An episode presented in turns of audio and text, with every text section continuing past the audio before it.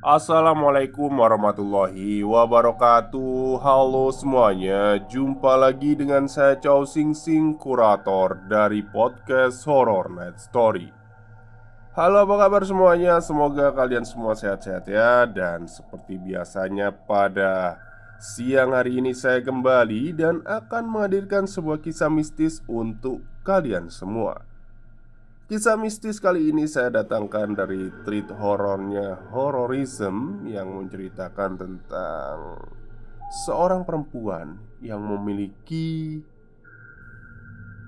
Warna bola mata yang berbeda Kanan sama kirinya itu berbeda. Dan ya nanti aja lah ya Kalau saya ceritakan sekarang malah nggak cerita lagi. Oke daripada kita berlama-lama Mari kita simak ceritanya Perkenalkan, namaku Seto.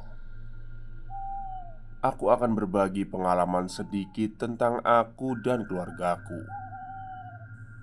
Aku sekarang berumur 24 tahun Dan aku memiliki adik yang jaraknya tiga tahun lebih muda dariku Ayahku seorang pensiunan pegawai di salah satu BUMN di kotaku dan ibuku, seorang ibu rumah tangga biasa. Biasanya ibu membantu ayah mencari uang dengan berjualan online. Adikku bernama Vania, dan kami sekeluarga memanggilnya Deva. Deva adalah singkatan Dek Vania, dan dia senang dipanggil itu. Aku akan bercerita tentang keluargaku beberapa tahun lalu. Aku lupa tepatnya tahun berapa. Yang jelas pada saat itu aku masih duduk di bangku kuliah semester 4 atau 5 Aku lupa Pada saat yang bersamaan Ayahku akan pensiun Dan tentunya semua fasilitas kantor yang diberikan ke ayahku ditarik dan dipindah tangankan. Termasuk rumah dan mobil dinas Yang sekarang kami pakai. Kami harus mencari tempat tinggal baru. Meskipun ayahku memiliki tanah kosong Tapi pasti ribet Kalau harus dibangun dulu dan bla bla bla lah aku ikut ayah untuk hunting rumah baru. Ayah ingin harganya miring, tapi rumahnya besar dan bisa dihuni untuk 4 sampai 5 orang. Karena ibu yang sibuk dengan jualan onlinenya dan adikku yang sedang belajar untuk menghadapi ujian, jadilah aku yang menemani ayah. Pada saat melihat rumah di salah satu perumahan, aku merasa rumahnya bagus. Katanya sih, baru dua bulan tidak dihuni, besar dan mewah, dan harganya juga murah untuk rumah dan tanah yang sebegitu besarnya. Jadi, kenapa pemilik rumah sebelumnya pindah, Pak? Tanya ayahku ke orang yang dipasrai kunci rumah itu. Beliau keluarga baru pak Dan baru punya satu anak. Jadinya mungkin terlalu luas untuk keluarga barunya tinggal di sini Jawab Pak Dadang Orang yang mengurus rumah ini. Oh Kalau bapak oke dan suka ini saya kasih nomor sama alamat pemilik rumahnya pak. Tambah Pak Dadang. Uh, Pak, boleh saya lihat dulu dalamnya? Tanyaku ke Pak Dadang. Oh, monggo mas, silahkan Tanpa pikir panjang aku langsung mengambil kunci dan masuk ke dalam Awalnya biasa saja, hanya rumah kosong dan bau debu seperti rumah yang sudah lama ditinggalkan. Dan keanehan mulai aku rasakan.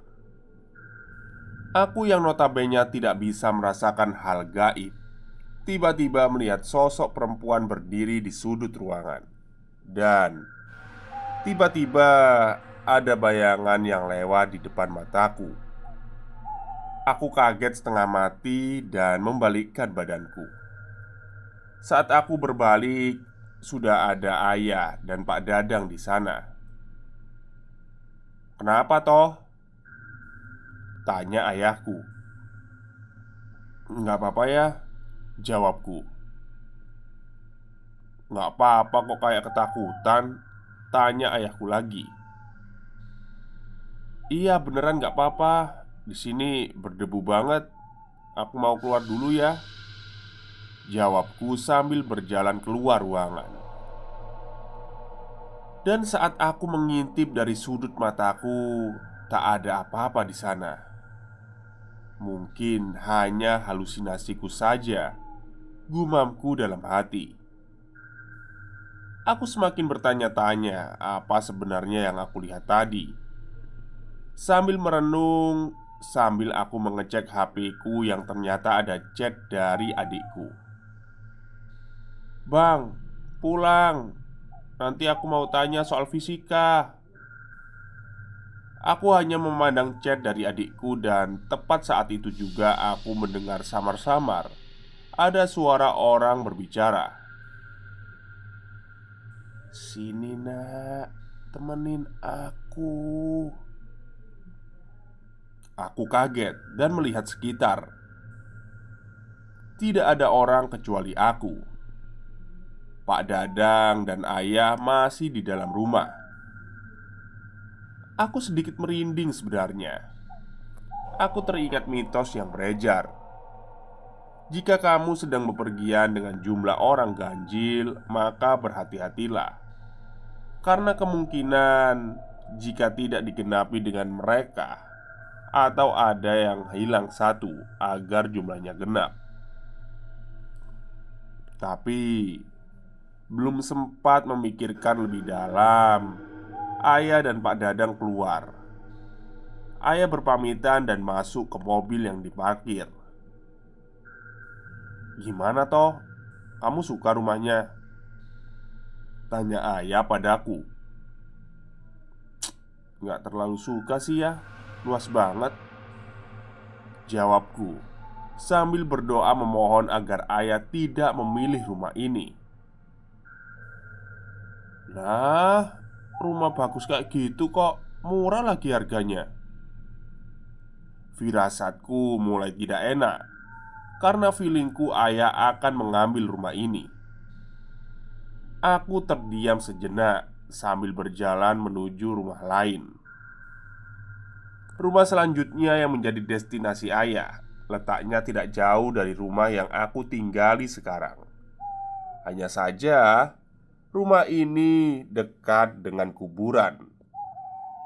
Harganya murah, bahkan lebih murah dari rumah yang sebelumnya. Yakin ya? Hmm, nggak tahu toh Tapi murah banget loh rumahnya Jawab ayah Murah Tapi deket sama makam tuh. Males aku kalau malam-malam sendirian di rumah ini. Jawabku lagi karena aku tak ingin rumah yang aku tinggali Berseberangan dengan makam. Iya juga ya Pantesan harganya murah. Wong deket sama orang meninggal Canda ayah. Ya udah, gimana nih? Cari lagi aja, barangkali ada yang cocok ya. Ajakku ke ayah. Ya udah, ayo. Dan aku mulai memancal gas mobil yang kami pakai. Jujur, sepulang dari rumah pertama tadi, tubuhku terasa berat dan nafasku sedikit tersengal-sengal. Nggak tahu kenapa Aku pikir, ah kayaknya aku mau flu Jadi aku melanjutkan perjalanan untuk hunting rumah baru Sampailah kita di rumah yang selanjutnya. Letaknya dekat dengan pusat kota. Dan saat kami sampai di depan rumah Aku melihat bapak-bapak yang sudah agak sepuh Tapi masih sehat. Permisi pak. Sapa ayahku. Oh iya pak. Siapa ya? Jawab pria itu sedang membersihkan rumah Saya Pak Joyo. Apa benar rumah ini mau dijual pak? Tanya ayahku lagi. Oh, enje pak. Saya Rasman. Saya yang dipasrai kunci rumah ini. Setiap hari saya selalu bersihkan dan saya rawat. Saya nyalakan lampunya ketika petang Dan saya matikan ketika pagi Iya pak betul rumah ini dijual Ada apa ya? Jawabnya Oh, enggak pak Saya boleh lihat-lihat dalamnya Kata ayah Oh, monggo monggo dilihat-lihat dulu. Kalau udah cocok, nanti saya hubungi yang bersangkutan agar ke sini. Aku dan ayah masuk ke dalam dan benar saja rumahnya sejuk dan nyaman. Sepertinya aku jatuh cinta dengan rumah ini. Wah, ini aja ya. Enak suasananya. Dekat kota lagi. Ya nanti dulu dong Kita perlu negosiasi harga dulu Kata ayah Beripun pak Saya hubungi orangnya atau gimana Tanya Pak Rasman uh, Nanti aja dulu ya pak Atau saya minta kontaknya aja yang bersangkutan Barangkali harganya cocok Nanti saya ambil rumah ini Jawab ayahku setelah bertukar kontak, kami langsung pulang. Saat itu sekitar jam 5 sore. Sesampainya di rumah, hal-hal tidak mengenakan sedikit demi sedikit mulai menggangguku. Assalamualaikum. Salamku sambil membuka pintu rumah. Waalaikumsalam, jawab ibuku. Eh, bang, kok pucat banget? Tanya Deva padaku yang baru pulang Iya, nggak tahu nih Dev Rasanya abang capek banget Ya udah bang, istirahat aja di rumah. Di kamar. Nanti Deva bikinin teh anget Kata Deva. Wih, baik banget kamu. Makasih ya. Candaku setelah itu aku langsung mandi dengan air hangat dan masuk ke kamar. Ternyata adikku Deva sedang di sana. "Dev, ngapain di situ? Ayo keluar, abang mau ganti baju dulu." Kataku ke Deva. Tiba-tiba Tok, tok, tok Bang Ini tehnya Deva taruh mana ya? Ternyata ada suara adikku dari balik pintu kamar. Aku heran bukan main. Dan saat aku melihat ke tempat Deva berdiri tadi, ternyata sudah tidak ada siapa-siapa. Eh, uh, iya Dev, abang ganti baju dulu ya. Setelah beberapa saat, badanku mulai terasa panas, seperti orang yang sedang sakit. Entah kenapa tiba-tiba aku sakit dan hanya bisa berbaring di tempat tidur. Untungnya, semua orang di rumah baik padaku, terutama adikku Deva. Dia sering menemaniku di kamar dengan pandangan yang lugu. Deva cantik ya, masa belum punya pacar sih? Gumamku dalam hati. Karena pada dasarnya Deva memang gak mau pacaran dulu Apalagi warna bola matanya Deva ini berbeda. Yang kanan dan kiri memiliki warna bola mata yang berbeda. Tapi itu yang menurutku menjadi daya tarik Deva. Pada malam harinya aku mendengar ada yang mengetuk pintu beberapa kali. Tapi aku biarkan. Paginya aku tanya ke adikku Kamu semalam ngetok-ngetok pintu kamar abang ya? Tanyaku ke Deva Ih, abang Orang Deva belajar buat ulangan hari ini. Deva bubuk jam 2 malam bang. Ngapain juga ketok-ketok pintu kamar abang? Males. Sepertinya memang bukan Deva ya. Apa ada yang lain di rumah ini sekarang? Gumamku dalam hati Beberapa hari aku tak kunjung sembuh. Sampai-sampai sahabat baikku datang ke rumah bersama beberapa kawanku yang lain. Bagus namanya. Toh, sakit apa sih kamu? Tanya Bagus. Kayaknya flu biasa sih Tapi nggak apa-apa kok Jawabku. Kamu baru pergi ya? Harusnya kamu hati-hati toh Tanya Bagus Gimana dia bisa tahu kalau aku baru pergi-pergi? Gumamku dalam hati. Tapi memang dasarnya Bagus ini memiliki sebuah kelebihan yang tidak orang lain miliki. Kata orang sih itu indera keenam. Tapi ya semoga saja kalau benar tidak digunakan untuk hal-hal yang tidak baik. Iya sih aku habis pergi-pergi. Tempo hari aku hunting rumah sama ayah Ya, kamu tahu sendirilah, ayahku kan mau pensiun. Jadi, harus cepat-cepat cari rumah baru. Lalu, aku ceritakan semuanya. Mulai dari aku melihat sesosok wanita sampai aku jatuh sakit sekarang ini. Oh, jadi gitu. Kayaknya ada yang ikut kamu, toh, kata Bagus. Apa? Maksudnya gimana sih? Tanyaku Iya, ada yang ikut sama kamu. Sekarang lagi duduk di pojokan kamar kamu. Kalau nggak kamu usir Dia bakal ngikutin kamu terus. Kata Bagus. Wah Gus sumpah aku nggak bisa ngusir. Aku nggak bisa ngapa-ngapain. Gimana ini? Kataku bingung Ya udah Sholatmu dikencengin. Insya Allah dia nggak bakal betah. Oh ya Jangan lupa baca Al-Quran ya. Ya dua atau tiga ayat cukup lah Kata bagus lagi. Selang beberapa hari demamku memang turun. Jujur saja kejadian ini membuatku menjadi sedikit religius Beberapa hari berlalu, aku harus kembali ke perantauan untuk melanjutkan studiku. Rencananya, aku pulang setelah ujian dan bertepatan dengan ulang tahun adikku yang ke-17. Dan mungkin ayah sudah menempati rumah baru itu.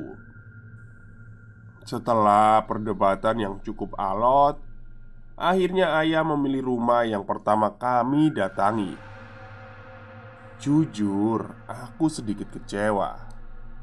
Tapi mau gimana lagi, wong nasi sudah menjadi bubur. Beberapa minggu kemudian, ayahku pensiun dan bersiap untuk pindahan. "Halo, ayah," kataku saat pertama kali mengang mengangkat telepon. "Eh, toh saya toh, ayah sudah pensiun." Ini ayah mau pindahan. Dibantuin sama Pak Ridwan Sama beberapa teman kantor. Jawab ayah. Oh gitu ya. Oke ya. Hati-hati. Jangan maksain kalau capek. Eh ya Deva di situ. Tanyaku ke ayah. Ya enggak lah Deva sekolah. Oh ya kamu kapan pulang? Seminggu lagi Deva ulang tahun loh. Kata ayah lagi. Mungkin minggu depan ya Barengan sama ultahnya Deva Jawabku. Ya sudah. Ayah tutup telepon dulu ya. Krek. Telepon langsung ditutup oleh ayah. Jadi kenapa aku tanya ada Deva di situ? Aku mendengar ada suara wanita di telepon ayah. Suaranya mirip dengan Deva. Dan asal kalian tahu, kantor ayah itu tidak ada perempuan, dan suaranya juga sangat jelas. Sini, Le, kembali. Seperti itulah suaranya. Ini aslinya bahasa Jawa ya, jadi saya translate. Lembut sekali, tapi aku mencoba untuk berpikir positif. Mungkin kawan ayah yang perempuan atau ibu yang sedang ada di dekat ayah. Beberapa hari kemudian aku pulang ke rumah baru kami dan kami mempersiapkan syukuran sekaligus mau merayakan ulang tahun Deva yang ke-17 Malam harinya acara dimulai. Happy birthday Deva Deva mau minta apa dari abang? Tanyaku ke Deva.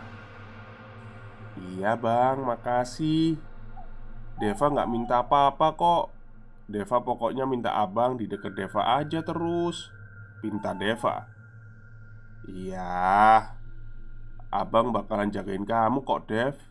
Jawabku sambil mengelus kepalanya Sembari ayah syukuran rumah barunya Sambil membaca doa-doa dan sebagainya Acara malam ini selesai berjalan dengan baik dan lancar.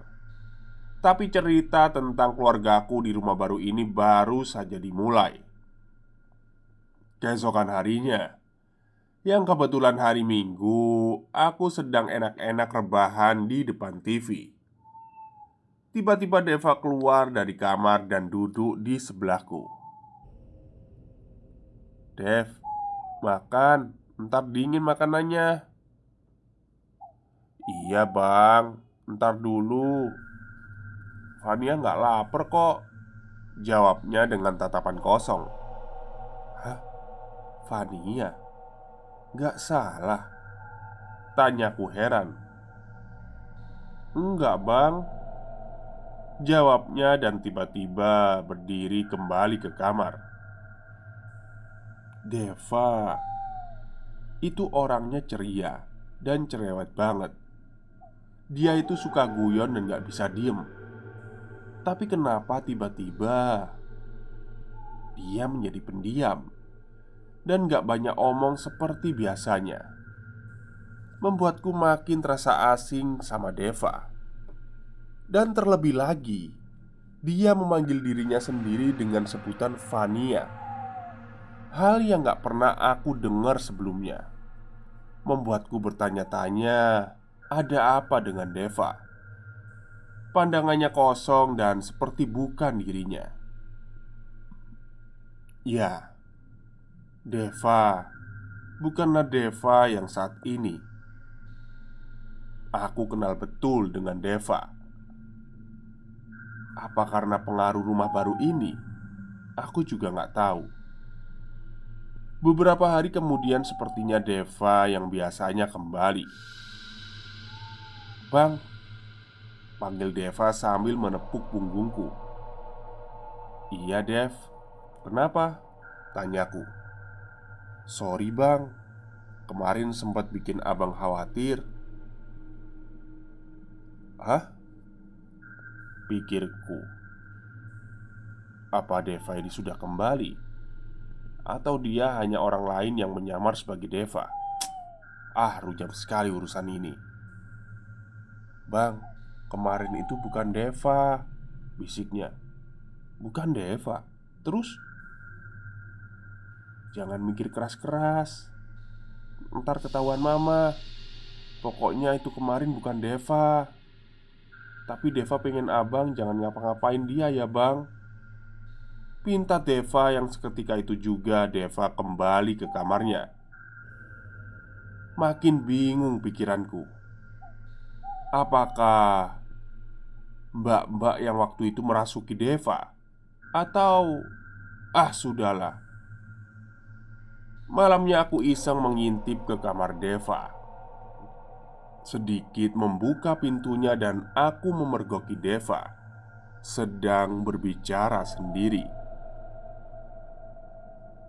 Tolong kamu jangan ganggu Fania. Fania sudah bahagia Kenapa Deva ngomong sendiri? Sama siapa dia ngomong? Gumamku dalam hati Saat benar-benar aku akan memasuki kamar Tiba-tiba Brak! Pintu kamar Deva menutup dengan sendirinya. Sangat keras. Sampai aku kaget dan terpental ke belakang. Ayah dan mama langsung menghampiriku. Kamu kenapa toh? Tanya mama dengan lembut. Nggak apa-apa mah Deva lagi marah kayaknya. Kataku sambil berpikir. Masa sih itu tadi Deva? Aku ingin cerita ke mama atau papa. Tapi aku benar-benar tidak bisa. Aku berharap ini berakhir kalinya. Selang beberapa malam sebelumnya berikutnya Deva menghampiri kamar tidurku Mengetuk pintu seperti biasanya. Bang, Abang Katanya sambil mengetuk pintu. Iya Siapa ya? Tanyaku dengan pertanyaan yang memang kusengaja. Vania bang. Oh Masuk aja. Selanjutnya Deva masuk dan berbicara panjang lebar Bang Deva itu Vania dan Vania itu Deva. Jadi abang harus ngertiin. Aku makin bingung setengah mati. Fania ke sini cuma mau ngingetin abang Sama Deva. Beberapa penghuni di rumah ini ada yang suka jahil. Contohnya yang sekarang ada di belakang abang. Aku makin bingung dong Jujur aja Apa benar ada sesuatu di belakangku? Itu yang di belakang abang namanya Mbak Nani. Dia selalu ikut abang semenjak abang hunting rumah sama ayah. Waduh Aku makin merinding dan makin bingung. Sejak kapan Deva bisa seperti ini? Tanyaku. Tapi tenang bang Vania udah bilang ke semua penghuni rumah ini biar nggak ganggu kita lagi.